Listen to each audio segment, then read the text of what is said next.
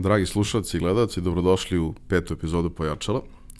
Ja sam Ivan Minić, a moj današnji gost je moj dragi kolega Miloš Petrović. Miloš je uh, već više od nekih desetak godina prisutno lice na, na domaćem internetu. Prvo kao bloger i jedan od onih prvih ljudi koji su, koji su bili influenceri, a danas kao vrlo uspešan uh, preduzetnik uh, i neko ko je zapravo iz neke IT priče prešao u nešto što je zapravo mnogo bliže klasičnom biznisu, ali koristi tehnologiju da bi unapredilo ovaj, svoje rezultate, odnosno koristi tehnologiju kao sredstvo u, u, u ostvarivanju rezultata. Miloše, kako je sve počelo? U stvari, uh, odakle ti dolaziš u, u ovu celu priču? Uh, Ivane, pre svega hvala ti na pozivu. Ja sam krenuo celu ovu tvoju interesantnu priču oko pojačala da pratim od prve epizode uh, i nisam ni ono slutio da ćeš me pozvati ovako brzo. Ovaj hvala na pozivu. U principu ja sam da kažem celu ovu neku svoju digitalnu avanturu, ako mogu tako da je nazovem, uh, u celu tu priču krenuo neke 2004. godine. To je nešto što mogu da smatram nekim svojim početkom. E, ja sam iz Bora, rođen sam u Boru, e, studirao sam e, u Beogradu na Fakultetu organizacijonih nauka i taj neki početak studija je, da kažem, mene nekako naveo da već paralelno sa studiranjem krenem da razmišljam o nekom svom mini projektu, da nešto radim sa strane. Shvatio sam da nije, mislim kada kažem radim sa strane ne znači da zarađujem novac, nego da prosto imam neku neki primjer, da imam nešto na čemu ću nešto što naučim moći da primenim u suštini.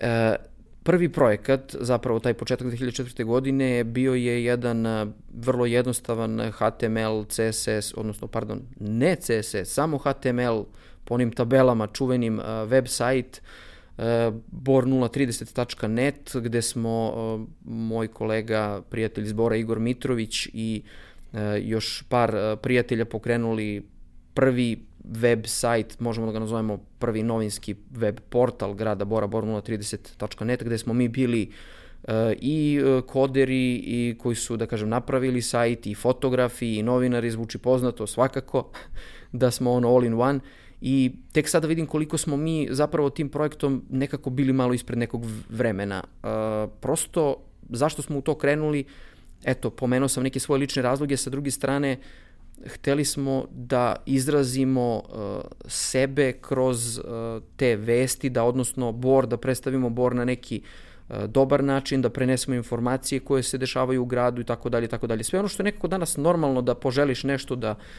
uh, fotografišeš, napišeš, pa to bude lako i jednostavno, bilo kroz uh, Facebook, Instagram, blog ili šta već, uh, sećaju se mnogi tog perioda i tog vremena, to tada nije bilo tako lako i prosto ono, ja bi sebi da mogu da se vratim unazad uh, nekom vremenskom mašinom, bukvalno čestito i rekao Miloše svaka ti čast, ovaj, nisi ni svestan na koliko, koliko si dobrom, da kažem, putu to je bio neki početak. Uh, I to je bukvalno bilo neko, mogu slobodno da kažem, apsolutno volontiranje. Do neke 2009. pet godina sam praktično uh, sa, sa kolegama vodio taj sajt. Oni su kasnije nastavili tu celu priču da vode i apsolutno eto mogu to da smatram nekim svojim uh, potpunim početkom i samo jedna mala paralela, odnosno kad sam već pomenuo fakultet, e, moram da kažem da sve to što smo mi radili u praksi, ja ništa od toga nisam učio na fakultetu. FON je fenomenalan fakultet, ali u tom periodu se još nije prilagodio vremenu koje stiže. Tek se kasnije prilagodio neke 2008. 9. pa možda i kasnije, ali e, ja sam znao da želim da se bavim nekim internetom i sa druge strane nekim biznisom, zato sam bio na fonu jer je fakultet organizacionih nauka i desilo se zapravo da sam ja celu tu neku priču spojio kasnije, u nekom kasnijem periodu, vremenu koje je tek trebalo da dođe. Dakle, nijedno znanje koje pokupiš usput nije suvišno, odnosno ako uspeš da ga postaviš u nekakav sistem, vremenom će pronaći svoj put i dati neku vrednost kada, kada je to potrebno. Definitivno ja nekako nisam ni bio svestan da to što mi učimo taj HTML sa, bukvalno u tom trenutku ne sa interneta, nego iz knjiga, da će to biti nešto što, što je ono azbuka weba u principu, ono i dan danas malo malo pa tebi u nečemu treba taj neki HTML. Meni je drago što sam ja to naučio pre 15 godina. I to je bila osnova za mnoge da kažem, stvari kasnije. E, samo mogu tu u startu da kažem e, oko tog početka da e, taj boruna30.net nije, da kažem, samo taj neki projekat koji je vezan za mene i par tu jako interesantnih ljudi. Jako brzo je krenuo i forum, sećate se oni, svi ovih onih prvih foruma, sećam se da u to vreme Subotica, bila od gradova koji imaju forum, naravno tvoj Burek forum i taj Borun 030 forum je bilo onako jedna redkost u tom trenutku na webu da neki grad ima toliko aktivan forum. Moram da pomenem taj forum jer je taj forum zapravo bio rasadnik, bio neki početak borske blogerske zajednice i velikog broja blogera koji su kasnije izašli iz cele te priče. A kako si ti krenuo da bloguješ? Kada si krenuo da bloguješ? Neka 2008. godina, pardon, ne, malo ranije, 2000 recimo šesta, nije ni bitno, u toj nekoj priči oko sajta Borula 30 mi smo stalno razmišljali šta možemo da unapredimo, šta možemo tu novo da sredimo i sećam se da je Zoran Stanković, poznati kao Rain Dog e, iz Bora, iako čovek koji može svima nama da bude otac e, poprilično, e, da kažem, bio je u tom trenutku pratio mnoge stvari koje je prosto bilo nezamislivo da čovjek tih godina prati, on je nama rekao da postoji nešto što se zove blog. Mm, u startu nam nije baš bilo jasno šta je to blog u odnosu na web sajt i tako dalje i prvi blog koji je, da kažem, nastao je bio u okviru sajta Bornula 30. Ja sam onda shvatio, aha, pa dobro, to je isto ono pisanje koje imamo u tom nekom novinarskom delu, ali e, malo opuštenije i korišćenjem, da kažem, ono potpuno prvog e, lica. To je bio neki početak, ali sam shvatio da ja želim blog na sobstvenom domenu i e, milošblog.com, moj prvi blog e, koji apsolutno ono smatram svojom ličnom kartom i eto nečim što se što sam praktično ponosan da postoji skoro 12 godina. Pokrićem ga neke 2007. godine u uh, novembru, oktobru, novembru i to je imalo uh, čak i, da kažem, s jedne strane potrebu, moju potrebu za pisanjem, jer eto već pišem unazad uh, nekih, neki određeni broj godina, a u tom trenutku ja sam bio i saradnik u nastavi na Fakultetu organizacionih nauka na predmetu elektronsko poslovanje, prosto sam želeo da ljudima sve ono što ne stignem da pričam na, na tim vežbama, da prosto ja to napišem u formi nekog bloga, da oni to mogu da pročitaju. I tako je krenula moja blogerska priča. I upravo jedan važan deo uh, svega toga je pisanje uh, stručnih ili tekstova koji se na neki način bave onim čime se i mi svi bavimo, uh, uh, i na neki način nesebično deljenje uh, svog tog znanja. Šta ti je bio prvi posao? Prvi posao na koji si išao ono kao od, od 9 do 5? Pa prvi posao definitivno na koji sam išao od 9 do 5 je zapravo uh, bio uh, jedan projekat, odnosno sajt koji je postojao u, u, u to vreme, zvao se Edućan zapravo. To je bio moj prvi posao, ali je kratko trajao, trajao neka tri meseca. Uh, koncept kupovine online u offline formi. Znači, bukvalno sam ja bio agent prodaje gde neko dođe kod mene, želi nešto da kupi online, ja mu napravim rezervaciju toga i firma za koju sam radio je to stvarno kupovala i dovozila fizički uz određenu proviziju i tako dalje. To je trajalo, e, trajalo vrlo kratko, ja sam shvatio da da sam ja tu više prodavac nego bilo šta drugo i ispalo da mi je kasnije značilo to iskustvo prodavca, ali u tom trenutku ja sam shvatio da je to jedna uh, jedna, da kažem onako, stagnacija, odnosno da je, da sam nakon tri meseca shvatio da je to stagnacija. I onda krećem, ovaj, pronalazim oglas e, na sajtu Infostud, naravno, ovaj, oglas za posao na sajtu e, na dlanu.com u kompaniji Trident Media Group i tamo dolazim i krećem da radim sa ovaj, pod broj jedan čovjek koji je bio nadređen i kome sam jako zahvalan za mnoge stvari. U početku je Nenad Todorović, gde se desila vrlo interesantna stvar, evo ima mala paralela sa, sa ovim ranijim intervjuima, znači ja sam na, na tom sastanku sa Nenadom Todorovićem uh, dobio informaciju da je uh, jedan od ljudi sa kojim je on razgovarao pre nego što je u stvari rešio da mene pozove na, na, na razgovor bio upravo Nebojša Radović. i da je čak i, i, i Nenad Todorović vidio i moj blog i tako dalje. Tako da sam eto već tim praktično pisanjem bloga stekao neku referencu, zato svima preporučujem i to je posebna tema stvarno pisanje bloga, da, da je sve što napišete na blogu praktično neka vrsta vaše reference i tu krećemo i da kažem prvi ono posao od, od 9 do 5 i jako interesantno da sam ja na sajtu na dlanu.com toliko uživao i prvi godinu dana bi bilo toliko fenomenalno, jer sve ono što sam imao kao neku viziju onog sajta Bon030.net, u stvari sam dobio na tacni u okviru te redakcije jednog jako ozbiljnog projekta u tom trenutku sajta na dlanu.com. Kako se put odvija dalje? Odnosno, uh, u, u nekom trenutku, iako je manje više cela tvoja karijera prožeta tim nekim preduzetničkim momentima, u nekom trenutku to postaje, da kažemo, tvoja glavna stvar, a paralelno sa tim uh, svest o blogerima kod nas uh, dostiže neki svoj maksimum ajde da kažemo da je sad opet u, u, možda u nekom padu, odnosno više blog nije možda dominantna platforma kada se traže uh, relevantni ljudi, ali u tom nekom trenutku to je možda bilo uh, veoma interesantno i brendovima i agencijama, sve je to bilo u začetku, sve je to bilo vrlo uh, nevino, vrlo čudno organizovano i sve, ali kako je to tebi izgledalo iz tvog ugla, šta se dešavalo? Ovako ću samo da se vratim na sam početak pisanja bloga. E, ja, mene, mene je bukvalno sramota prvih tekstova koje sam pisao na blogu, najiskreniji, moram da priznam. Ja sam učio recimo o SEO optimizaciji e, sa nekih inostranih blogova i onda šta sam shvatio, kako sam shvatio, ja sam to prepričavao na sobstvenom blogu. Sećam se situacije gde su meni ljudi javljali u komentarima i rekli, e, pa nije to baš tako, nego je malo drugačije, pa onda ja tu kao nešto menjam u tekstu i tako dalje i to je bio neki početak, uh, ali interesantno je bilo da u tom periodu stvarno nije bilo puno blogova i nije bilo ni društvenih mreža i nekako smo se jedni sa drugima najviše povezivali preko tuđih komentara. Primjera radi ja odim kod dedabor.com, postavim kod njega komentar, pa onda ljudi komentaru mene vide pa dođu na moj blog, pa na mom blogu nesto, neko ostavlja komentare. Nekako su komentari tada imali veću uh, ulogu. Interesantno je da sam ja u tom pisanju bloga u jednom trenutku krenuo da pišem o uh, izradi web sajtova i mogu slobodno da kažem da sam ja u tom trenutku više znao da pišem o izradi web sajtova nego što sam znao da pravim web sajtove. Što mi se obilo o glavu već kod prvog klijenta koji nije bio toliko zadovoljan, ali već naredni klijent je bio zadovoljan i to je bio neki moj posao sa strane uh, da kažem koji sam radio. Ja sam pisao uh, i te neke tehničke stvari i web marketing, koliko je u tom periodu mogao da bude uopšte web marketing, mada sam blog, samo postojanje bloga je samo po sebi web marketing.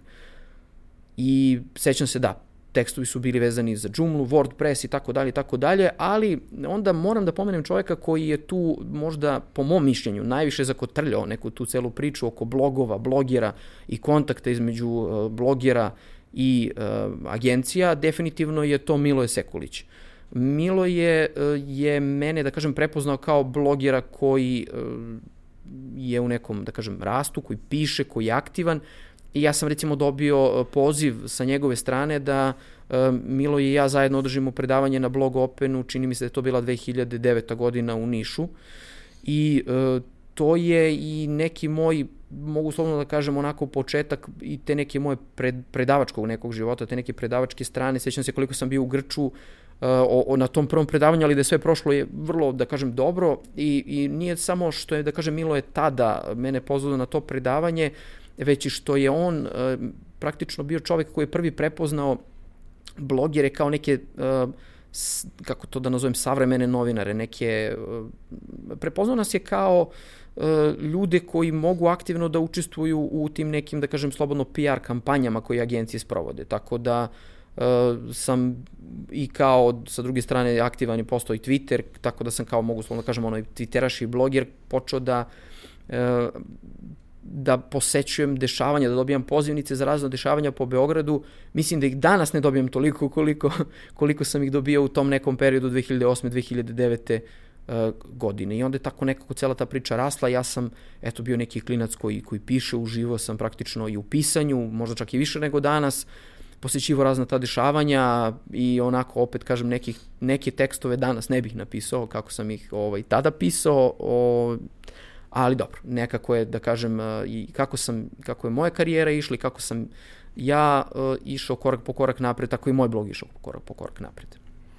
a, u nekom trenutku tu počinju da se dešavaju i, i nekakve komercijalne aktivnosti. Kako su one izgledale?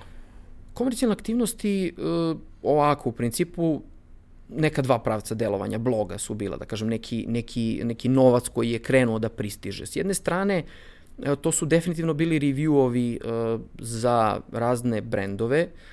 Sećam se da je definitivno tu jedan od prvih brendova praktično bio Telenor recimo. On je potpuno prepoznao u komunikaciji sa agencijama celu tu priču i sećam se da sam ja još u početku radio review uh, Telenor interneta, mobilnog interneta koji je tada ono bio sporo, ali je bio nešto novo kod nas. I tu je dolazio neki novac definitivno sa strane pisanja tekstova. Uh, ipak nije to bilo toliko često, ja sam znao da ne mogu da se oslonim na to definitivno i uh, dan danas kada gledam influencere kako misle da mogu da se oslone samo na uh, takav vid zarade, uh, mislim da to nije baš tako moguće, da to nije stabilan izvor prihoda. Ja sam definitivno više volao onaj drugi vid prihoda, to je da ljudi preko mog bloga saznaju da ja radim web sajtove, pa me onda kontaktiraju i tu traže od mene praktično uslugu izrade web sajta.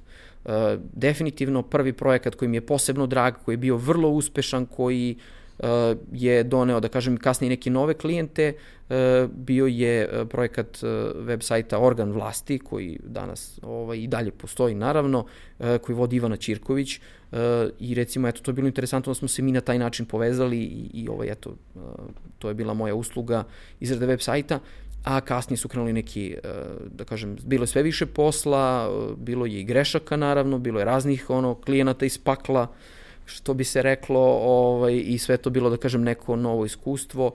Ja, e, nakon godinu i po dana rada na portalu nadlanu.com, shvatam da da ja zapravo e, imam e, u tom trenutku identična primanja e, sa strane od izrade web sajtova i tamo u firmi gde sam radio i rešio sam da u tom trenutku praktično tamo dam otkaz i da otvorim praktično svoju preduzetničku radnju početkom 2010. godine recimo.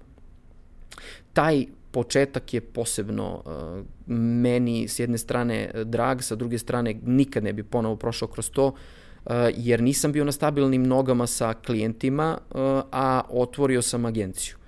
Uh, troškovi su porasli i uh, ja sam morao da se vratim u Bor, znači to je bilo nekih uh, period godinu i po dana kada sam se ja uh, preselio u Bor i uh, praktično u boru sa smanjenim troškovima, što bi se reklo na gajbi kod mame i tate, ovaj, sa drastično manjim troškovima, uspeo da, da nekako stvorim neku stabilnost oko, oko tog posla, e, kupim Peugeot 206 i vratim se u Beograd krajem 2011. godine.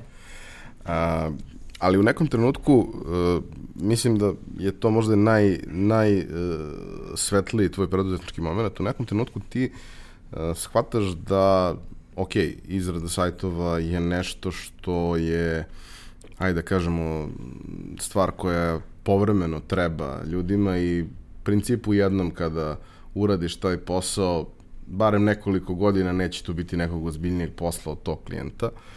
I ti shvataš da zapravo e, treba da pokušaš da sva svoja znanja koja imaš i iskustva usmeriš u nešto e, što nije striktno samo uh, web slash IT biznis, već krećeš da radiš projekat uh, Wellness Spa, koji ti je danas, ajde da kažemo, core biznis, sve ovo ostalo što radiš, što si radio i tada, manje više radiš i sada u nekom obliku, uz malo više konsultinga i svega toga, ali šta je bila ideja iza Wellness Spa? Kad se to desilo?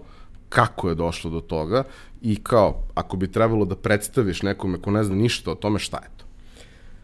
U principu, e, celu tu uslugu izrade sajta ja sam aktivno u tom trenutku radio neke dve godine. To je e, bio kraj 2010. godine kada bukvalno u nekom spontanom e, razgovoru sa, sa svojim rođacima, bukvalno da kažem ono moja ujna mene pita da li postoji neki web sajt koji objedinjuje uh, neke promotivne ponude raznih uh, tako nekih spa tretmana, spa hotela i tako dalje. I to me je onako bila neka inicijalna kapisla da ja kao proverim da li tako nešto postoji, shvatam da tako nešto ne postoji, ali nisam bio siguran koliko to uopšte ima potencijala. E, ipak ono što je u tom trenutku bio najveći driver e, da, da ja u tako jednu priču e, potencijalno krenem, pri čemu mi je prva i osnovna ideja bila da ja u stvari napravim neki katalog wellness i spa centara, e, je bila moja velika ljubav prema plivanju i sauni, da kažem onako. Sad ja nisam u životu ušao u spa centara, krenuo sam da radim website o spa centrima, ali recimo Bor ima fenomenalne bazene, uh, gde sam ja ono svake zime, mislim konkretno na zatvoreni, otvoreni bazeni su lepi, ali recimo zatvoreni bazeni u Boru koji su mene recimo eto ti godinu i po dana kada sam bio u Boru onako psihički su mi najviše e, značili da, da ovaj provodim nekako vreme na kvalitetan način. E, u Boru postoje ti bazeni, postoji kao jedna mini sauna i meni je taj spoj u stvari u glavi bio, aha, pa dobro, to jeste neka vrsta spa centra, ja imam veliku ljubav prema tome i spreman sam da tako nešto pravim, pa makar tu ne bilo para. I mislim da je to nekako najveći savjet ljudima danas da stvari ne kreću samo da rade, da ne pokreću stvari samo zbog novca. Mnogo je važno da, da nešto vole, da, da, da su u oblasti koju vole, tada je sve nekako mnogo lakše.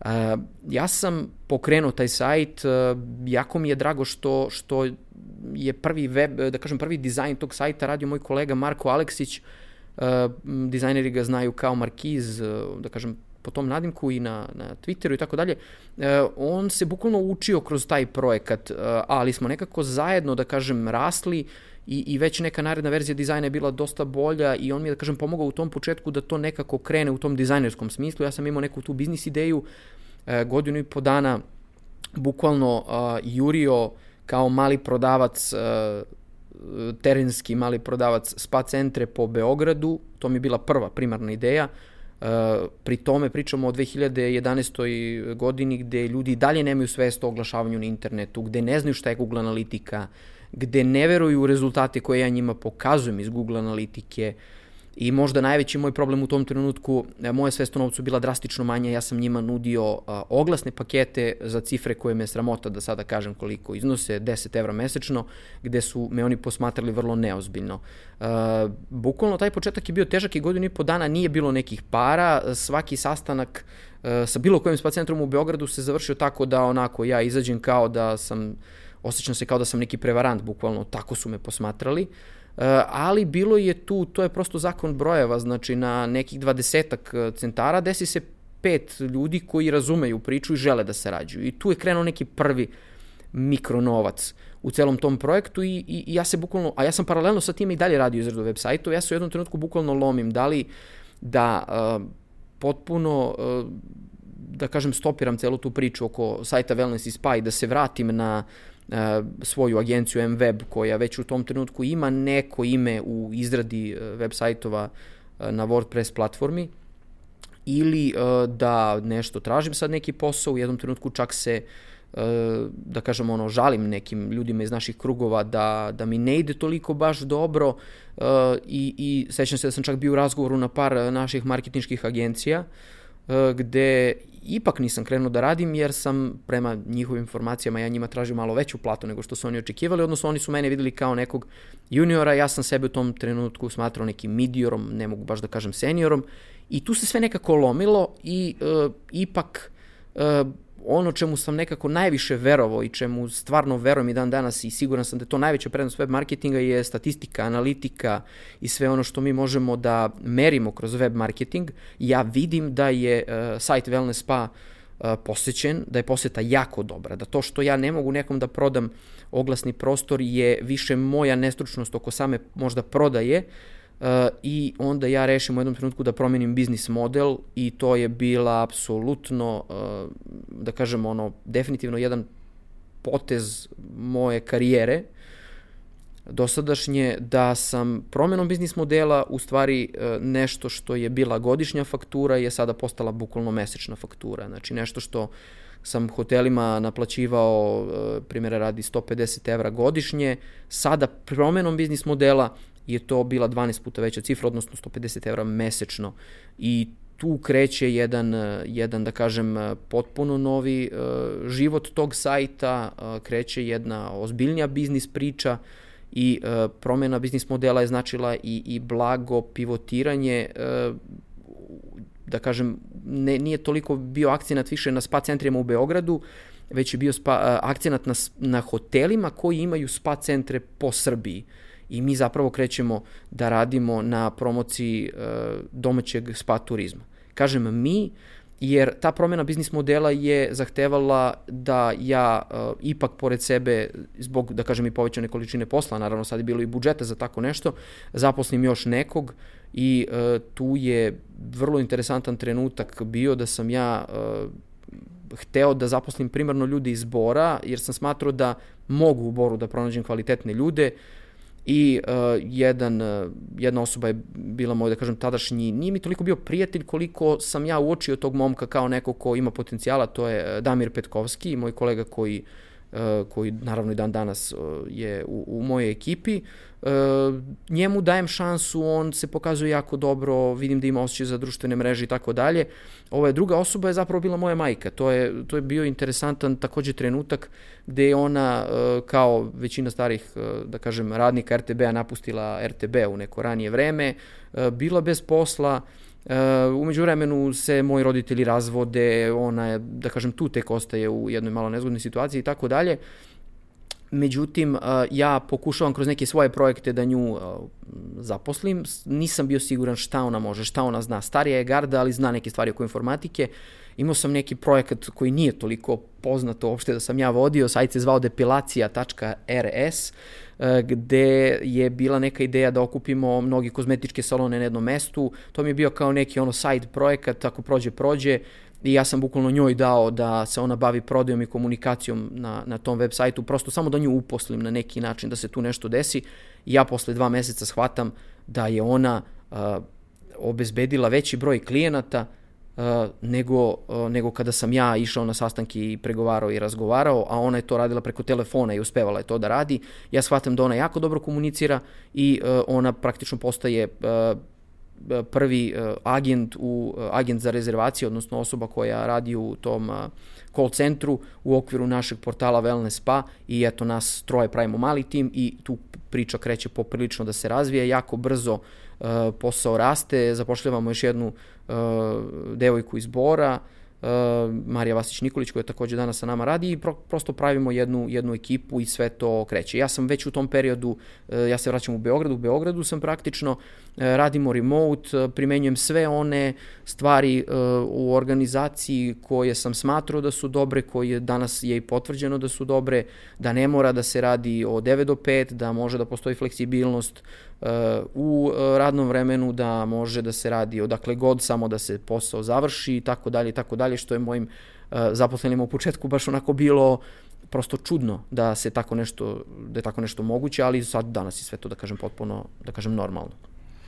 A, dosta važan moment e, i ti kažeš sam ovaj možda tvoj najbolji poslovni potez i odluka je upravo ta promena paradigme. A, a ono što se zapravo promenilo, osim prihoda koji su se jeli, značajno promenili na bolje, je e, promena, suštinska promena koja kaže ti više ne prodaješ obećanje, ti prodaješ gosta koji je došao. Mnogo je lakše uzeti nešto kada je neko već prihodovao od tebe, nego prodati neko obećanje koje na kraju dana niko ne zna ni kakve rezultate dalo. Ne zato što ti nisi svoj posao uradio kako treba, nego zato što oni ljudi to ne prate, niti znaju, niti ih možda i zanima. Ovaj, kako je tačno izgledao, uh, znači, ok, inicijalno ti si prodavao oglašavanje. Tako je, da. Uh, iz, izlistavanje, recimo. Da. A sada ti prodaješ šta? Od te neke prelomne tačke mi krećemo da uh, praktično prodajemo rezultat. Znači da prodajemo uh, realizovanu rezervaciju. Sve ostaje isto, web marketing je jak, mi postajemo nešto što možemo da, da svrstamo u kategoriju affiliate-a, usluga. Znači affiliate usluga. Da, uh, poenta biznis modela je bila da mi dobijemo proviziju od gosta kome je realizovana rezervacija. Uh, da bi to mogli da merimo, uh, Nisam hteo da se oslanjam na, na samo klasičnu automatizaciju, mada je bilo predloga sa svih strana nas digitalaca da to mora da bude apsolutno automatizovano i tako dalje. Ja ipak uvodim a, telefon kao podršku e, da mogu ljudi praktično da urade rezervaciju i telefonom, a sa druge strane imamo i formular koji, na koji se bukvalno ekspresno, da kažem, odgovara i to je, da kažem, bukvalno priča slična sajtu Booking.com, ali e, sa mnogo humanim pristupom za sve one ljudi koji žele ljudski kontakt, koji žele da čuju nekog sa druge strane, koji žele da razgovaraju sa čovekom. E, tako da je u nekoj budućnosti kasnije ispalo da u stvari su nama ciljna grupa svi oni ljudi koji ne vole Booking.com. Ja nisam ta ciljna grupa. Ja prvi nisam ciljna grupa sobstvenog sajta, ali baš zato što uh, mi koji E, recimo radimo sve stvari na automatizovani način koji volimo Airbnb i Booking.com, nemamo prosto svest o tome da postoji i ona ciljna grupa koja se plaši tog, e, te kompletne automatizacije. Ja nisam baš u potpunosti bio svestan da ja gađam tu ciljnu grupu, ali se vremenom pokazalo da e, je to potpuno jedna ne uopšte mala ciljna grupa do koje se stiže. Percepcija hotela je drastično, da kažem, bila promenjena. Uh, mislim da su, iskreno, mislim da su zažalili što smo promenili biznis model, jer u startu su fakture normalno bile veće. Uh, I tek su onda shvatili, jao, pa bilo je dobro ranije, ali ja kažem, sistem oglašavanja, klasičnog oglašavanja je sistem u kome uvek neko gubi. Uh, da li to gubim ja, time što sam stavio previše malu cenu oglašavanja, a hotelu stiže veliki broj gostiju, ili gube oni što sam možda stavio veću cenu oglašavanja, ne dolazi do njih niko, neko tu gubi. Ja sam veliki protivnik banera od uvek, e, tek u poslednje vreme onako malo, malo da kažem menjam ko bi rekao da, eto u poslednje vreme, ali bukvalno u poslednje vreme tek sada vidim prednosti možda tog display oglašavanja, ali u nekom drugom smislu. E, konkretno ja na svom sajtu nisam želeo da postoji bilo šta što se, što se može nazvati banerom. Kompletna priča, kao što si pomenuo, jeste izlistavanje, e, odnosno taj neki prirodni sadržaj e, gde e, praktično na jedan vrlo humani pristup ljudima prikazujemo šta hoteli nude, po kojim cenama i tako dalje i tako dalje. I ono što je najvažnije, aktivno radimo na, na promociji cele priče. Osnova dobrog marketinga od početka, znači nije se desilo da zarada samo dođe promenom biznis modela. Kao što sam pomenuo, web sajt ima dobru posetu, a osnova te priče je dobra SEO optimizacija. Nekako sam svojim znanjem uspeo od početka najviše zapravo, pored one prodaje, da se bavim i SEO optimizacijom i da postavim stvari na dobar temelj. A da bi SEO bio kako treba, mora da postoji dobar sadržaj a dobar sadržaj je uvek izazov, posebno kada radiš sa ljudima koji možda nemaju baš idealno svest o tome. Kada analiziramo, pričali smo malo pre ovaj, u pripremi, kada analiziramo malo šta postoji od, od ponuda tog tipa, da, većina tih nekih malo boljih uh, hotela i, i, i spa centara ima nekakve svoje sajtove, najčešće su loši ili zastareli, najčešće nemaju adekvatne informacije, najčešće nemaju dobre fotke, najčešće ti kada dođeš, bez obzira na to što si na njihovoj zvaničnoj prezentaciji, zapravo nemaš nikakvu informaciju o tome šta ti treba. Naravno ima izuzetaka, naravno izuzetaka je sada sve više polako, prerastaju pravilo kako neka nova, modernija ekipa dolazi u tu priču, kako se malo povećava svest zapravo o svemu tome. Kako je to tebi bilo? Ipak je trebalo obići mnogo objekata, sakupiti te informacije, predstaviti ih na pravi način. Uh, sa druge strane, jeli, uh, vi niste samo imali nekakav standardni cenovnik i to sve, već ste se trudili da ljudima date i nekakve ponude koje pokrivaju ono što njih najviše interesuje, što je sigurno zahtevalo poseban rad sa, sa, sa ljudima iz hotela. Definitivno da, da u početku u tim nekim analizama kada sam ja pokrenuo website shvatam da su sajtovi hotela pa malo je reći očajni. Uh, neki, neke stranice su bukvalno bile na recimo, recimo starim Joomla sajtovima, pa su među vremenu tu desi neko hakovanje, oni to ne primećuju da se desilo, sajt izgubi na značaju i tako dalje. Desilo se da sam ja svojim web sajtom i svojom postavkom web sajta bio ispred mnogih uh, hotela u samim uh, da kažem, pretragama. Znači, ja jesam na neki način iskoristio taj trenutak da oni ne, ne shvataju web marketing i web uopšte da kažem, na pravi način. Posebno je situacija bila takva recimo kod, kod nekih hotela koji imaju starije osoblje i prosto oni imaju apsolutno fokus na pružanju kvalitetne usluge svojim gostima. Ne obraćaju mnogo pažnju na promociju, oslanjaju se na turističke agencije i tako dalje i tako dalje. Ono čime smo, da kažem, mogu slobodno da kažem, mi njih privukli jedan fair način rada, što smo rekli da nema nikakve naplate unapred. Da sadržaj, zapravo sadržaj koji smo mi, mi smo njih, od njih tražili sadržaj, mi smo sadržaj preuzimali sa njihovih web sajtova, ali smo normalno, dešavalo se, preuzmemo sadržaj sa njihovog web sajta, sa njihovom dozvolom, menjamo slovne greške, trudimo se naravno da fotografije budu bolje i, i, i tako dalje, ali uh, mogu da kažem da je poenta definitivno cele, cele te priče bila da smo mi osnivanjem sajta uh, Wellness Spa, uh, moja ekipa i ja napravili zapravo uh, jedan potpuno novi portal u niši koja raste i portal koji nešto nudi čega nema na drugim mestima. To je definitivno ono što je ključna stvar. I ta sva neka istraživanja u startu su nam pokazivala da će tu biti posete, ali moram da priznam da sam kasnije ovaj, poprilično bio iznenađen u kom pravcu uh, ide ta poseta i da ta poseta toliko, da kažem, raste. Uh, nakon svega pokazalo se da mi zapravo radimo uh, promociju domaćeg turizma, konkretno domaćeg banjskog i spa turizma, i da praktično nijedna turistička agencija u Srbiji, e, niti jedan drugi website ne radi ništa slično. Odnosno, ima sajtova koji nešto pokušavaju, postoje, neku ponudu imaju, ali nisu toliko predani tom online radu. Verovatno su to svakako ljudi profesionalci u svojoj turističkoj struci, ali mi smo veći profesionalci u web marketingu. Da, a i ne postoji uh, sve to na jednom mestu. Odnosno, ne možda sve, ali da kažemo neki veliki izbor. A, stvar koja si se dotakao, koja je zapravo e, vrlo negde važna i ono, kada pričamo o tome iz ugla opet nekog IT-a i, i startup kulture i svega, jeste uh, optimizacija, uh, pojednostavljivanje stvari, automatizacija na maksimum i tako dalje i tako dalje i tako dalje. Ali onda dođemo u situaciju da imamo ljude koji žele personalizovano iskustvo koji žele da se posavetuju sa nekim, koji žele da kroz razgovor, bilo tekstualni ili, ili ovaj, telefonom ili kako već, ovaj, dođu do najboljeg nekog rešenja i da kada im se to oblikuje na način koji je njima interesantan, da onda zaključe jeli, svoju kupovinu i sve ostalo.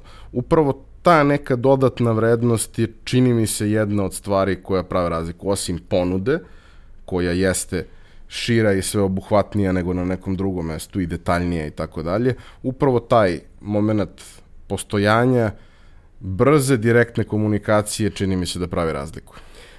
Ovde mogu slobodno da kažem što se tiče brzine komunikacije, da e, svakako je ljudima brža komunikacija kada su na vezi direktno sa hotelom. To apsolutno stoji.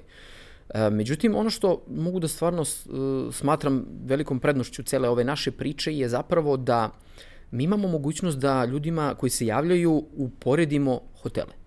To ne mogu da dobiju kao informaciju u konkretnom nekom drugom hotelu kada mu se, da kažem, direktno jave. Tako da mi bukvalno imamo situaciju gde ljudi uh, se, se jave i kažu ja želim hotel koji ima veliki uh, bazen. Dajte mi neku informaciju o to prosto gde. I to je neki, neka stvar gde smo mi u prednosti jer možemo da uporedimo, da ponudimo i tako dalje i tako dalje. E, ljudi definitivno žele uh, E, i, i vole da neko, da, da, da, da vide da neko ima neku brigu, da kažemo njima, da neko brine o njima, da neko e, na osnovu tih informacija šta njima, šta njima potrebno, da im neko skroji tu ponudu, da im prenese to na pravi način i tako dalje, tako dalje. Mislim, ne kažem to, apsolutno i hoteli rade i recepcije svih hotela na taj način rade, sa time što recimo situacija u hotelima je malo drugačija gde je ta recimo recepcija i, uh, u, na velikom udaru recimo gostiju, gde konstantno su neki gosti, konstantno se nešto traži. Mnogi hoteli, sad to je više hotelska priča, sada razdvajaju prodaju booking od uh, same da kažem, recepcije. Uh, da se vratim samo na, na, naše, na našu priču, uh, u principu uh, ključni segment definitivno jeste to da uh, kada neko želi u spa hotel, spa centar, uh, na sajtu Wellness Spa dobije kompletne informacije i prosto je to, da kažem, ključni, ključni deo. Jedna od stvari u okviru naše web marketing strategije i opšte stvaranje sadržaja, kao što smo malo prepomenuli, je pisanje bloga. Znači mi imamo blog sekciju gde se trudimo da uh, na jedan onako vrlo opušten način ljudima damo neke korisne informacije. Tu nema, tu nema reklame, tu nije pojenta kroz te tekstove reklamirati, tu je pojenta ljudima uh, neke stvari povezati, razjasniti, objasniti i, i, i tako dalje. Primjera radi, evo jedan od novih tekstova koji smo imali je kako da napravite što veći broj kako da kažem, odmora, što veći, kako da spojite neradne dane sa vikendima i kako da napravite sebi što više odmora u toku 2019. godine, naravno sa predlozima nekih naših hotela koji će imati promo ponude povoljne za takav neki period. A isto jedna važna stvar koju sam i pomenuo u pripremi je i to da se maksimalno trudite da izađete u susret korisnicima koristeći kanale komunikacije koji njima najviše odgovaraju. Odnosno da pored telefona i formulara na sajtu koji jesu, hajde da kažemo, primarno zamišljeni kao, kao kanal komunikacije, tu postoje i Facebook poruke, komentari, Instagram poruke, Viber, Skype, sve ostalo što, što ljudima može da bude potrebno. Pa kaži mi neke neke svoje ono insajte uh, vezano za to. Šta je zapravo sad vama uh, tu pored osnovnih kanala postalo interesantno? Koje su neke specifičnosti te komunikacije? Šta si primetio da, da je ljudima još važno osim, osim brzog odgovora koji dobiju? Ovako, mogu da kažem da je definitivno Facebook uh, u padu. Uh, situacija, odnosno trenutak gde primećamo drastičnu, drastičnu razliku u komunikaciji je definitivno Instagram. Zašta je velikim delom zaslužan Instagram story kao posebna priča za sebe koja bukvalno ljude navodi na interakciju, navodi da nešto vide, da pitaju i tako dalje. Ipak mogu da kažem da jako a, tu postoji, da kažem, komunikacija, ipak se nekako najveći broj rezervacija zaključi telefonom i mailom. to je definitivno. ali to ne znači da će tako biti trenutno nam se pokazuje da je Viber u velikom rastu. Posebno u to nekoj našoj ciljnoj grupi. E, iako je tu WhatsApp svakako nekako e, ankete, e, ja sam prepoznao trenutak u kome je potrebno napraviti neku anketu, istražiti malo, pitati ljudi koji to kanal vama odgovara više, koji manje. rezultati su pokazali da je, da, je, da su definitivno Viber, da je Viber u porastu, da je Facebook nešto manji, WhatsApp onako i, i to su definitivno neki pravci u kojima se može ići. Uh, još jedan kanal komunikacije koji smo u jednom trenutku otvorili, ali smo ga brzo zatvorili, je bio um, online chat na samom uh, web uh, sajtu i to je nešto što puno hotela, odnosno ne puno, ali uh, sve više hotela praktikuje da na svom sajtu ima uh, mogućnost da se četuje konkretno na samom sajtu sa uh, nekom osobom iz hotela. E, mi smo to testirali i nama se samo pokazalo da smo sve one koji preko maila praktično žele da nas kontaktiraju, preko online formulara, e, samo ih prebacimo u ovaj kanal e, da kažem opcije za chat. A nama je iskreno mnogo lakše hendlovati one upite koji stižu kroz formular nego, nego kroz online chat. Tako da smo, za razliku, evo, ja vidim da mnogi hoteli sada s koji su krenuli u tu priču oko online chata i dalje drže online chat. Mi smo ga otvorili pa smo ga zatvorili. Primjer radi. A e, ta priča sad već funkcioniše nekih 5-6 godina. A, tih 5-6 godina su iz mog nekog nezavisnog ugla, a opet van ciljne grupe koje se obraćaš, a, čini mi se predstavljali ekspanziju te vrste turizma ovde. A, s jedne strane, naravno, kao, postoje ljudi koji takve stvari rade već dvadesetak godina, idu u Mađarsku gde, gde je taj turizam na jako visokom nivou već jako dugo, idu u Sloveniju, Slovenija je postala posebno interesantna u tom periodu i tako dalje. E, čini se sa jedne strane u tom periodu je li da je došlo do značajne promene u svesti ljudi, nekog, nekog napretka ovaj, nivoa svesti kada je to u pitanju, a sa druge strane, je li posledično, čini se i da se scena dosta razvila, odnosno da postoji dosta novih objekata, da se razne nove stvari dešavaju, pojavljuju, da čak možda i neki objekti koji nisu imali neki takve sadržaje su shvatili da bi možda umesto nečeg drugog trebali da uvedu nešto tako da će to da im napravi razliku. Uh, koji je tvoj, uh, koji je ono, pogled iz, iz tvoje pozicije na te stvari koje se dešavaju, pošto si jeli u žiži svega toga?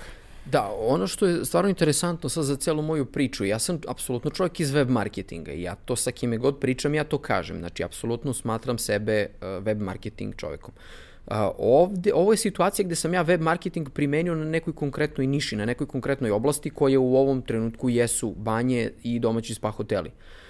Uh, to sad meni, da kažem, s jedne strane, uh, da bi, da bi moglo sve da funkcioniše kako treba i da sve može da ide u dobrom pravcu, ja moram sve više i više da pratim i da, da razumem i nišu i tražnju i celu tu priču. Tako da sam onako spontano sa neke druge strane uh, ne mogu da kažem za sebe da sam sad ja neki wellness pa stručnjak, ali uh, opet morao sam da se više da prostudiram celu tu priču i da neke stvari malo bolje razumem. Jer to je osnova svega. Znači kada radite neki biznis vi morate biti u potpunosti u tom biznisu i razumeti kako funkcioniše taj biznis.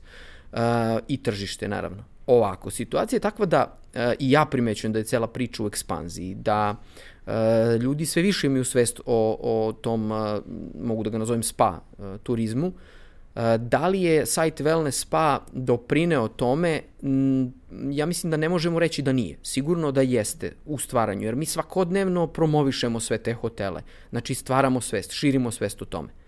Meni je jako drago što su hoteli uh, po tom biznis modelu uh, od starta prepoznali priču da smo mi zapravo partneri u, u svemu tome, da uh, to što će oni uh, biti prikazani na našem sajtu će dovesti do toga da oni budu popularniji, a i nama znači kada oni sami za sebe imaju veći broj reklama bilo gde u Srbiji, jer opet smatram da oni i time takođe promovišu tu wellness uh, kompletnu priču i opet nekako svi smo u toj nekoj zajedničkoj, da kažem, uh, priči. Ekspanzija postoji, uh, nemam, iskreno evo sa svim hotelima sa kojima sam radio, ima tu raznih primera.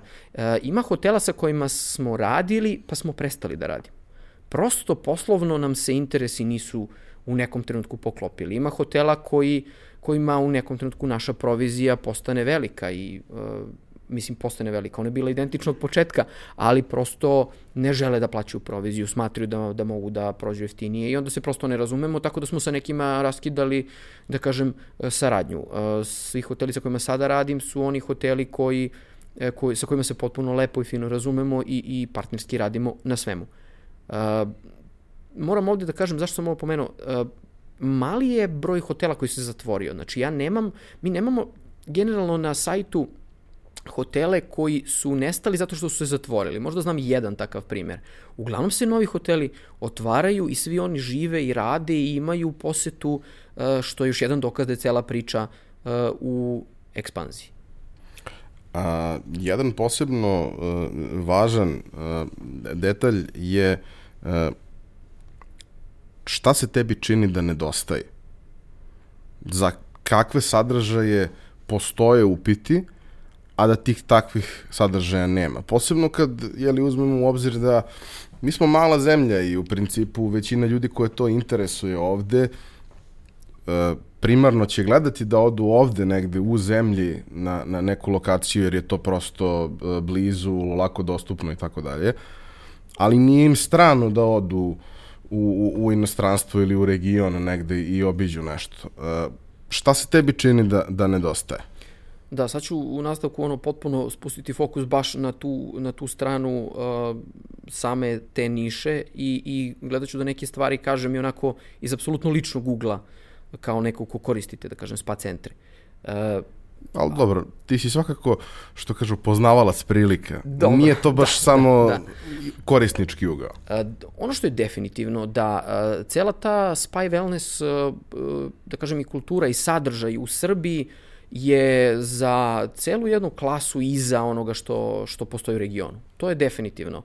Svako ko je otišao u neke, ne baš sve, ali nekoliko njih od tih spa hotela, spa termi u eh, Sloveniji baš odskače od cele ponude u regionu i ko je otišao tamo, kada se vrati u Srbiju, bukvalno se smori i kaže pa gde ja sad odem nečemu sličnom e, kao što, nekim stvarima koje, koje vidi u Sloveniji, e, što je samo pokazatelj da mi moramo još mnogo da radimo na tome. Ali stvarno znam da, da ljudi u turizmu i hotelijeri žele da naprave bolju ponudu i to, to će biti bolje i, i to, to se menja. A, ono što primećujem da nedostaje, a prema sadržaju uh, koji, koji imamo na sajtu, uh, ono gde primećujemo da je veća tražnja, da ljudi pitaju, da traže i tako dalje i tako dalje. Eto, možda baš savet nekim budućim investitorima koji žele da uložu neke takve stvari. E, definitivno, definitivno jesu uh, hoteli koji imaju uh, velike bazene.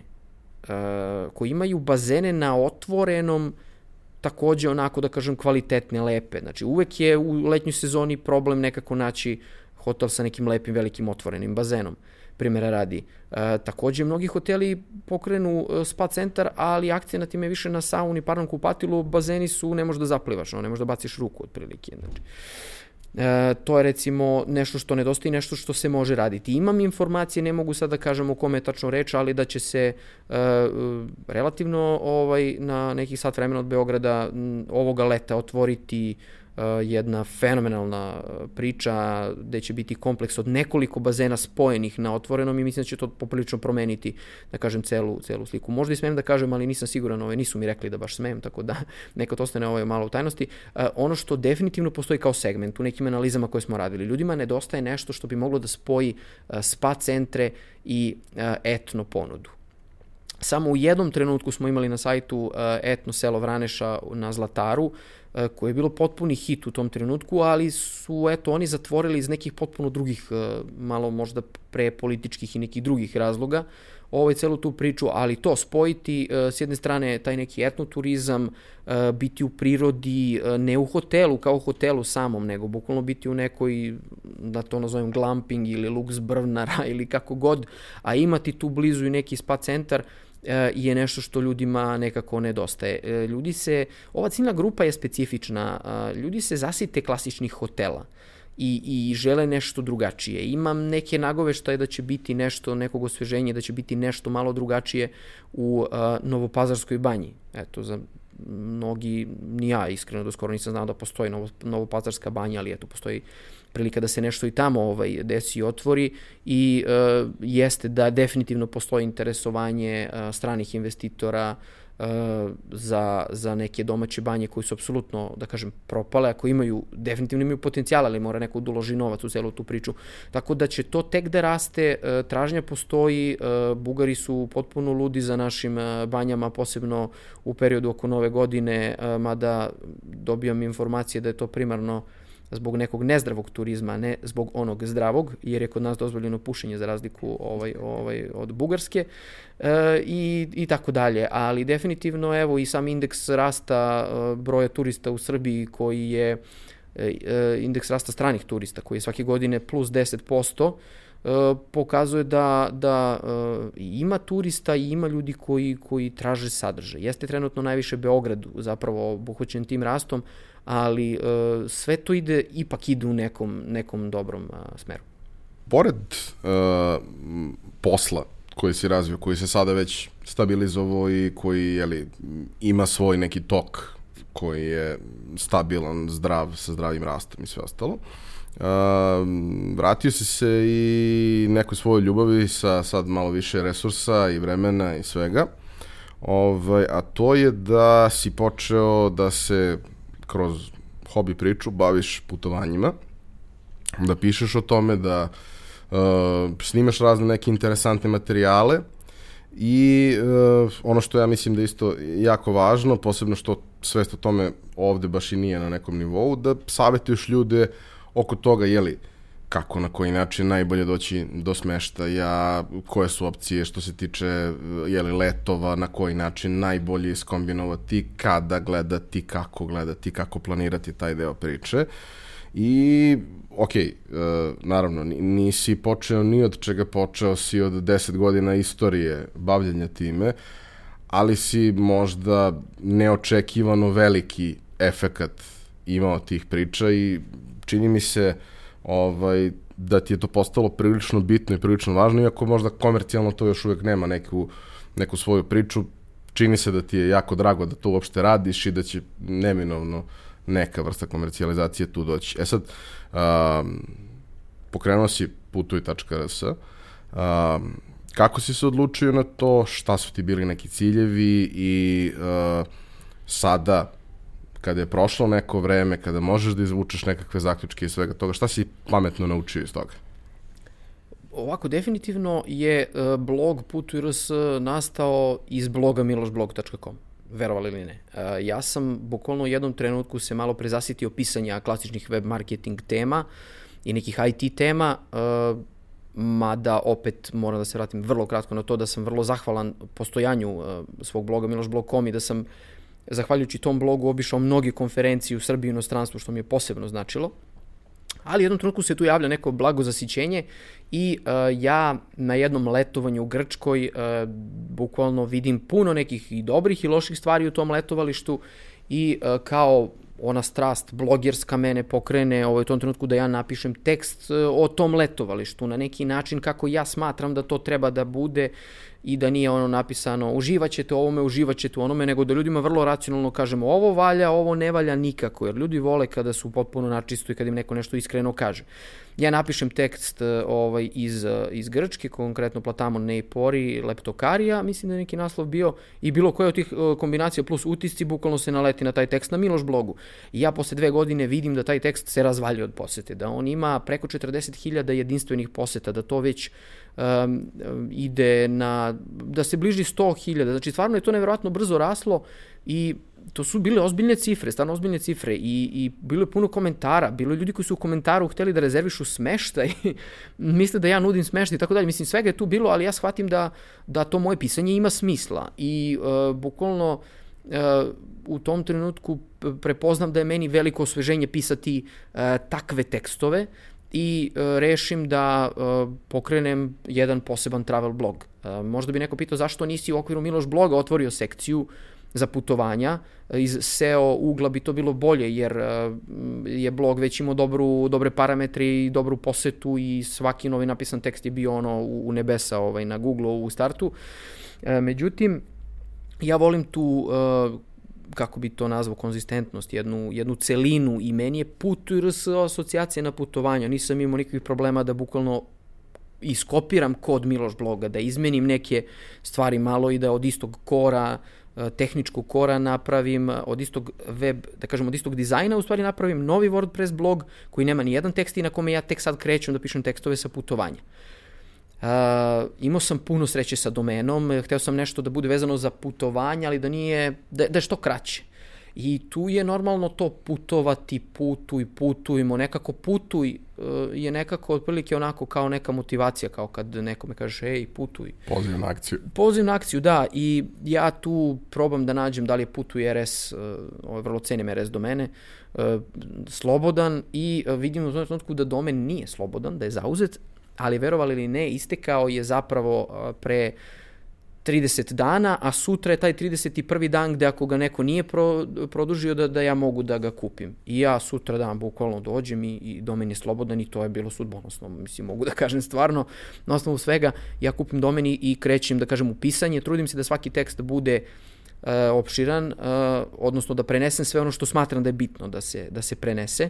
Uh, tu je recimo jedan od tekstova koji je kasnije nastao, uh, bukvalno sam ono napisao tri teksta i sva tri su fenomenalno prošli, što mi je bio pokazatelj da ja to radim korektno. Uh, jedan od posjećenih tekstova je recimo i tekst iz Lisabona, gde sam baš i dobio informaciju od neke grupe ljudi koji je bili u Lisabonu da su ljudi na telefonu držali moj tekst i prema tom spisku obilazili neka da kažem mesta, što mi stvarno onako imponuje i ne mogu prosto da verujem da je to tako baš dobro krenulo. Moram da priznam da sam lenj, definitivno oko pisanja tekstova na, na blogu Putu RS. Uh, primjera radi, pre dve godine sam bio na Tajlandu i u Singapuru, ja imam napisana tri teksta odatle i dalje bukvalno u nekim naucima držim uh, nacrte za još tri teksta, a prošlo dve godine. Znači, Miloše, sram ti bilo. Ali, prosto mi to nije nekako primarno, moram da priznam, stvarno mi je to hobi, ne želim da se apsolutno time opterećujem i bit će, ti tekstovi će biti i kad se budu desili, znam da će biti čitani. Ono što mi je važno je da se trudim, recimo sad u komunikaciji sa mnogim travel blogerima, ljudi me prosto pitaju, jao, pa ja ne bi pisao predug tekst, ko će to da čita? Ja tu ljude savetujem da, da pišu ne duge tekstove, da se forsiraju, ali ono, ispričajte sve što možete, sve što imate, sve što možete da ljude posavetujete, a da ne bude neki privatni glupi detalji, imao sam zelene zidove i ono, prizor kroz prozor, pogled je bio fenomenalan, fenomenalan, tri tačke, mislim, to su takve rečenice, ja recimo nemam, nego stvarno se trudim da svaka rečenica ima smisla, da bude neka vrsta saveta, koliko god dug tekst da bio. Da bude relevantno za ljudi. Relevantno, tako je. I baš na konto te relevantnosti, ključna poseta će se sutra upravo desiti sa Google-a. Ko pretražuje konkretno tu destinaciju, kada dođe na taj tekst, pročitaće ceo tekst, to je sigurno, ja vidim prema statistici na blogu. E, tako da cela ta priča je krenula u nekom, eto, e, dobrom pravcu. E, u poslednje vreme ljudi, neki ljudi mene više percipiraju kao travel blogera, što moram da priznam da mi malo i smeta, jer uh, ne želim da me ljudi primarno znaju kao travel blogera i travel instagramera, uh, ja sam pod jedan čovjek iz web marketinga i to je moj primarni, da kažem, posao. Ali dobro, ovo je neka moja ljubav, moj hobi, paralelno sa uh, blogom uh, se razvio i moj Instagram, uh, gde sam eto rešio da moj Instagram u potpunosti bude obojen tom travel pričom i m, za kratko vreme su se desile stvarno neke dobre stvari. Ja sam sarađivao sa turističkom organizacijom Abu Dabija, sa Air, Srb i Air Srbijom zajedno na jednom projektu koji je bio zaista fenomenalan projekat uh, koji imao cilj da ispromoviše uh, putovanja ka Bliskom istoku i konkretno destinaciji Abu Dhabi. Kasnije je došla saradnja sa Nord Nickel kompanijom iz Moskve. Bio sam u Sibiru prošle godine, ekskluzivno idem u Sibir ponovo sad 1. marta. Cilj te saradnje je u stvari promocija univerzijade u Krasnojarsku, zimske univerzijade Ovo, eto, to je prosto, eto, malo i nevjerovatno da, je takve, da su takve stvari, da kažem, došli do, do, do mene iskreno, uh, ali sam, da kažem, jako zadovoljan time. Uh, konferencija, moju ljubav prema digital, da kažem, konferencijama, web marketing konferencijama sam i u ovom travel domenu spojio prijavom za TBX, Travel Blogger Expo, kon, na konferenciji koju sam postio u Irskoj pre godinu i po dana. Mislim ti znaš da na koliko smo konferencija bili ovdje i koliko smo se kretali po konferencijama, meni je ta, meni je ta konferencija oduševila, na, na, na osnovu svega što sam ovde video, meni je ta konferencija posebno oduševila, jer je e, ta konferencija specifična po, po tome što je jeste kao i web marketing i neka IT priča i fotografije, video, ali u niši putovanja i to je neverovatno da su tu sve došli neki ljudi koji imaju ogromnu strast prema s jedne strane putovanjima i tom nekom digitalu koliko su se ljudi lako povezivali, kako je to fenomenalno druženje bilo. Klasična jedna niša konferencija, ako mogu tako da je nazovem. Ovaj, I to je meni takođe bilo fenomenalno iskustvo, upoznao gomilu nekih travel blogera, od kojih je 70% su bili iz ovaj, SAD-a i Kanade i jedno fenomenalno iskustvo i uh, ono što mi je posebno bilo drago je da su da je turistička organizacija uh, Irske kad su već svi travel blogeri tu napravila jednu vrlo jedan vrlo pametan potez i da je uh, dala besplatna putovanja uh, na koje je moglo da se konkuriše od po pet dana. Na kraju je ispalo da svako ko je konkurisao dobio besplatno putovanje. Ja sam se konkretno prijavio za Dublin, tako da sam ono o svom trošku platio put do Irske, bio na konferenciji, platio kotizaciju, a na osnovu svega toga dobio ovaj gratis uh, praktično uh, tu kako oni zovu fam trip uh, u Dublin, proveo pet dana što je bilo takođe jedno fenomenalno iskustvo. Tako da eto, uh, travel blog me je doveo do tako nekih stvari. Uh, moram da pomenem da, da je cela ta travel priča uh, u Srbiji mislim takođe da tek raste. Postoji jedna jako interesantna grupa na Facebooku, zove se Travel Blogeri, koja trenutno uglavnom služi za šerovanje linkova, ali opet je dobra jer na jednom mestu imate uh, travel blogere koji šeruju svoje materijale i tekstove. Uh, druga stvar koja je nastala kao ideja uh, kreiranja neke travel zajednice, sa druge strane je povučena onim što na Instagramu imamo puno ljudi koji se bave, da kažem, koji pišu o putovanjima, je e, pokretanje novog travel, e, novog meetupa u Beogradu koji se zove Travel Meetup Beograd i postoji grupa na Facebooku takođe za to.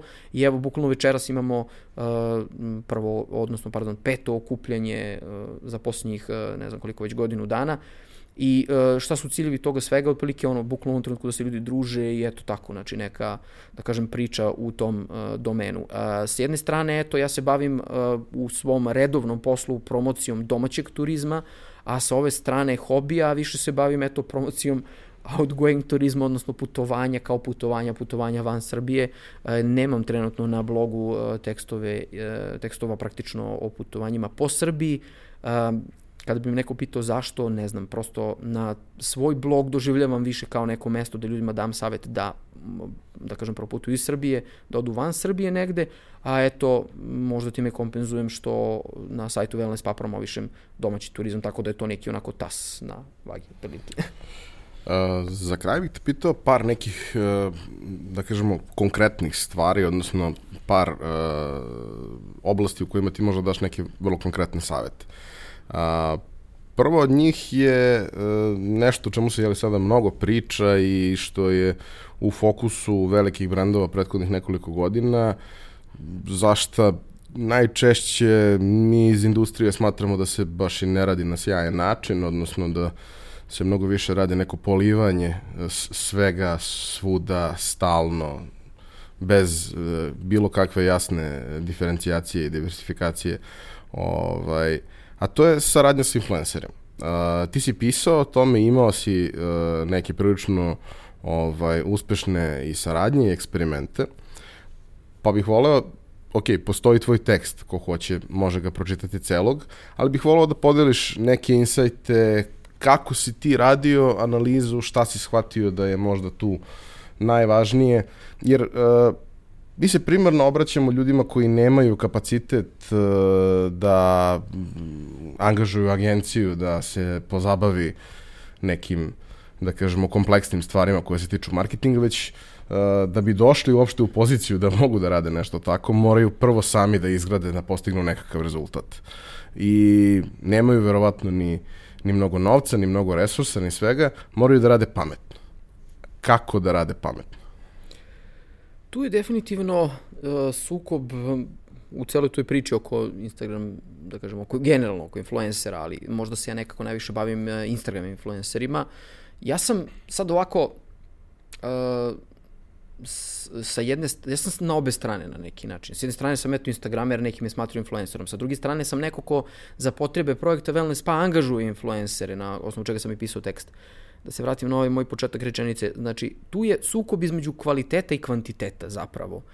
A, veliki broj ljudi kada bira influencere gleda isključivo e, kvantitet. Gleda se to da li oni imaju 20, 50 e, hiljada pratilaca, pratilaca, mnogi ne obraćaju pažnju na interakciju, da vide koliko tu zapravo ima lajkova, ko su ti ljudi koji lajkuju i ono što je najvažnije, kakav sadržaj stvara ta neka, taj konkretno influencer, kak, na, na šta izgledaju, na, na šta liče te fotografije, da li su to klasično poziranje, da li su to više saveti, i tako dalje i tako dalje. I onda prosto svako nekako, uvek je to nekako lična odluka. Taj kod, kod svake agencije ili kod svakog brenda postoji ta jedna osoba koja kaže ja, meni se ovaj sviđa ili meni se ovaj ne sviđa, s ovim ćemo da radimo, ovog puno volim i tako dalje i tako dalje.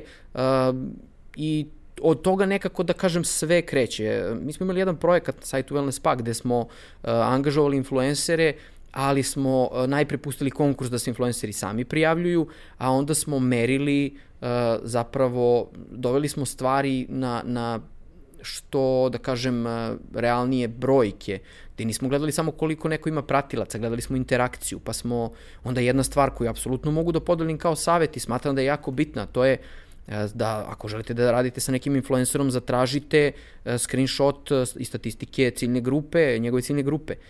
I ono što je još bitnije, znam da to već mnogi rade, ali ono što je još bitnije, preklopite to sa statistikom vaše ciljne grupe i vidite da li se vi mimilizite ili ne. Jer ima nekih influencera koji imaju po 100.000 pratilaca, ali njihova ciljna grupa su isključivo e, deca do koje nisu ni punoletna, mislim, deca, stvarno deca, znači do 16 godina, bukvalno. I tu se dešavaju, da kažem, vrlo specifične situacije. Cela ta influencer scena je nešto gde ne bih volao da sad previše pričam, jer možda bi se ono posvađao sa polovinom ljudi koji me znaju, ovaj, ali jeste specifična stvarno. Ja smatram da pod broj jedan svako sad, svoj sadržaj mora, ali stvarno mora da gradi, ako, ako se time bavi ozbiljno, mora da gradi na uh, korisnim informacijama, korisnim savjetima i tako dalje. Ja sam najviše u tom uh, polju putovanja, travel sekciji travel niši, u uh, toj priči travel uh, inf, influencera vrlo lako vi odete u krajnost, vidi me gde sam, vidi me gde sam, e sad sam ovde, e sad sam tamo i to nije način da se bude, uh, da kažem, Instagram influencer u oblasti putovanja. Uh, zato se, primjer radi, ja trudim da, da to radim na neki drugačiji način, da ljudima ispod svake fotografije dam što više korisnih saveta. Ako makar nisu saveti, da to makar bude ono neki mini, mini edukacije. Ja sam to preuzeo od negde. Bukvalno želim da moj Instagram bude neki National Geographic ili nešto slično, a ne vidi sad sam ovde poziram, vidi sad poziram tamo, baš mi je super i tako dalje. Da, misliš da je važno da to ne bude show off, nego da bude informativno i korisno za ljudi.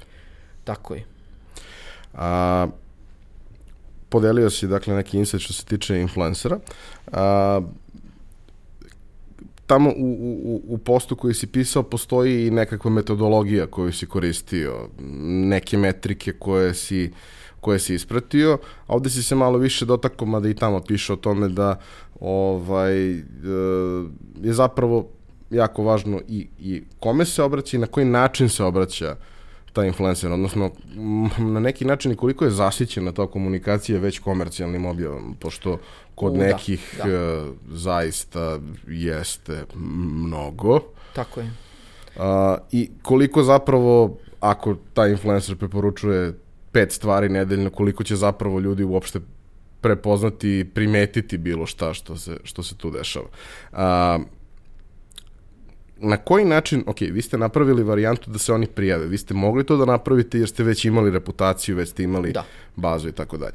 Ljudi koji bi ulazili u to baš i ne mogu na taj način da pristupe, ali uh, ono što mogu je da uh, pripreme nekakav brief za, za tog influencera, nekakvo nazovi uputstvo, a da ne treba ljudima davati uputstvo šta treba da urade, nego možda im reći šta je važno. Kako bi ti posavjetovao ljude da, da, da pristupe tome? Pa definitivno pod broj 1, ako pričamo recimo o nekom klijentu, jel tako, ko želi da angažuje influencera, pod broj 1 taj klijent mora da bude svestan ko je njegova ciljna grupa. Znači, koja je ciljna, ciljna grupa klijenta i da uh, to proanalizira, da kažem, sa samim influencerima. Ako sad pričamo o briefu u smislu kako da se plasira priča, jel tako, bi morao da se vratim korak unazad na, na te influencere koji sarađuju sa svima. Ja mislim da to nije dobro. Znači, vi time gubite reputaciju stvarno poprilično gubite. Apsolutno nemate više reputaciju na neki način i više vam sutra niko ne veruje. Ljudi nisu sigurni ono što pričate sutra, ali opet će vas gledati jer gledaju vaš sadržaj kao sadržaj i šta trenutno stvarate i veliki brat sistem, ja da vidim gde si ti trenutno sada i tako dalje. Uh, ja mogu sad da opet, uh, možda sam ja tu previše radikalan u nekom, da kažem, svom domenu, ali ja to posmatram na ovaj način. Ja bukvalno imam listu E, brendova koje nikad nisam objavio, a verovatno ću objaviti, koje ja lično cenim, koje ja lično poštujem i sa kojima sam spreman da ja lično sarađujem. I bukvalno ako mi se javi neko mimo tih brendova, nema para sa kojim, za, za koje bi praktično radio sa tim nekim drugim, jer ne mogu da e, da ih preporučujem ako ja to iskreno ne želim i prosto to je neki moj sistem. Ja mislim da je to ispravno, ali sam onda shvatio da sam ja previše radikalan i da situacija nije takva. Zapravo u celoj toj nekoj priči, nego praktično influenceri sarađuju sa ono, kogod im se javi, kogod im ponudi nekima i ono 30 evra, tu se već na neki, da kažem, način a, sarađuje i radi. Sad ako se vratim ponovo na taj, na taj brief, kako pripremiti influencera, pod broj 1 morate da poštujete način na koji taj influencer radi i način na koji plasira poruke. Ne možete influencera da stavite u svoj šablon. Vi morate reći, dati ideju neku i ovaj, prosto dati influenceru ili zajedno sa njim napraviti neki model koji će biti prirodan. Uh, možda, možda mu dati samo sve relevantne informacije i pustiti ga da ispriča priču. Tako je, tako je, tako je. Jer, jer stvarno među influencerima, ima influencera koji rade sa puno uh, klijenata, I to nije sporno, ali rade stvari na stvarno fenomenalan način i onda je prosto, nije ni problem što rade sa puno klijenata. Stvarno, I to kada... deluje iskreno, to deluje kao da oni stvarno u to... Prilično iskreno. Ja znam da stvarno ima influencera kojima recimo neko pošalje kremu i, i oni probaju tu kremu i bukne im lice i, i da oni apsolutno, znači, će, uh, oni neće tu, to, to promovisati, neće reći evo ja ću ipak da promovišem. Tako. Mislim, ima, ima stvarno ljudi koji to iskreno rade, ali mislim da, da nekako ljudi, ajde da kažem, puno ljudi koji su u, u tom Instagram svetu, nekako ipak tu najviše dajem akcenat, smatraju da, da će apsolutno moći da žive od Instagrama i da će moći da žive samo od tih saradnji. To nije tako lako. Ja se sad vraćam na one moje početke koji su vrlo slični sa blogom i Twitterom i tako dalje. E, ja opet smatram da nije dovoljno imati samo Instagram, morate da imate makar i svoj YouTube kanal pored, ili blog, ili idealno i blog, i YouTube kanal, vi ste tada mnogo, kao influencer, mnogo moćni i mnogo jači. A i nemate single point of failure. Tako je, da, jer evo, desi se recimo situacija da ono Instagram što se kaže promeni algoritam i svi krenu da kukaju. A nekako je to malo drugačije kad imate blog i kad neko googla pa i googlanjem dođe do nekih sadržaja koji su tu ja. Meni je žao kad neko kaže blog je mrtav. Uh, a onda ja ponovo uđem u moju statistiku i vidim da se svakodnevno čita moj tekst iz Alanje ili tekst iz Grčke i onda pitam pa kako je blog mrtav? Pa eto kao nema novih blogera možda u tom domenu, ali onda sa druge strane se iznenadim šta se zbiva među travel blogerima. Ekspanzija je neverovatna, ja sam se šokirao koliko je ljudi krenulo da, pozitivno naravno se šokirao koliko ljudi krenulo da, da piše na, na, na te, o, o tim temama o putovanjima recimo. Da, ono što si pričao, uh, a, a odnosi se na količinu sadržaja, da, dužinu teksta i slično. Postoje stvari koje ljudi upijaju kao instant informacije koje im na taj način najviše odgovaraju. Ali ako ih zapravo zanima da odu negde, neće im biti problem da pročitaju. Ako im je nešto Tako. zaista važno, neće im biti problem da pročitaju i tekst koji je, koji je duši. A, za kraj, uh, hteo bih da te pitam da podeliš sa nama, jer to je neka praksa koju smo uveli u prethodnih a, nekoliko epizoda, da podeliš sa nama a, na neki način a, šta ti smatraš da su bili najvredniji izvori iz kojih si učio? Da li su to uh, neki događaj, da li su to možda uh, neki, neki blogeri, da li su to možda neke knjige, filmovi, serije, nije bitno, ali da daš neke primere šta bi preporučio ljudima da pogledaju i za inspiraciju i za neko vrlo konkretno učenje. Ajde ovako da budemo na onako malo uh, tradicionalan što se tiče stvari iz preduzetništva. Primjera radi. Uh, iskreno, dosta toga, one neke osnovne teorijske stvari oko finansije i tako nekih elemenata, jesam stekao na fakultetu. Ali normalno u praksi se to još dodatno razvije i tako dalje. Uh, u tom domenu nisam učio nešto, da kažem dalje, više sam se oslanjao na tako neke stvari. I m, iskreno kada sam možda otvarao agenciju taj neki početak bilo je teško naći neke resurse. Moja firma portal uh, koji si pokrenuo je recimo kasnije doneo puno nekih informacija koje mogu stvarno mnogo da znači preduzetnicima i da mogu da uče odatle. Toga ranije nije bilo. Ako gledam web marketing priču kojom se bavim apsolutno ništa nisam naučio na fakultetu, jer je fon u tom periodu nije bio spreman za to. Znači, ko je želeo da uči programiranje, mogu da uči na fakultetu. Mi koji smo bili u nekom fazonu, kao i Nebojša Radović, mi smo kolegi sa fakulteta, mi nismo to mogli da učimo na fakultetu i mi smo imali situaciju da dođemo na taj predmet koji se jedini bavi nečim elektronskim poslovanjem, internet marketingom i da znamo više nego asistenti u tom trenutku pre 10 godina.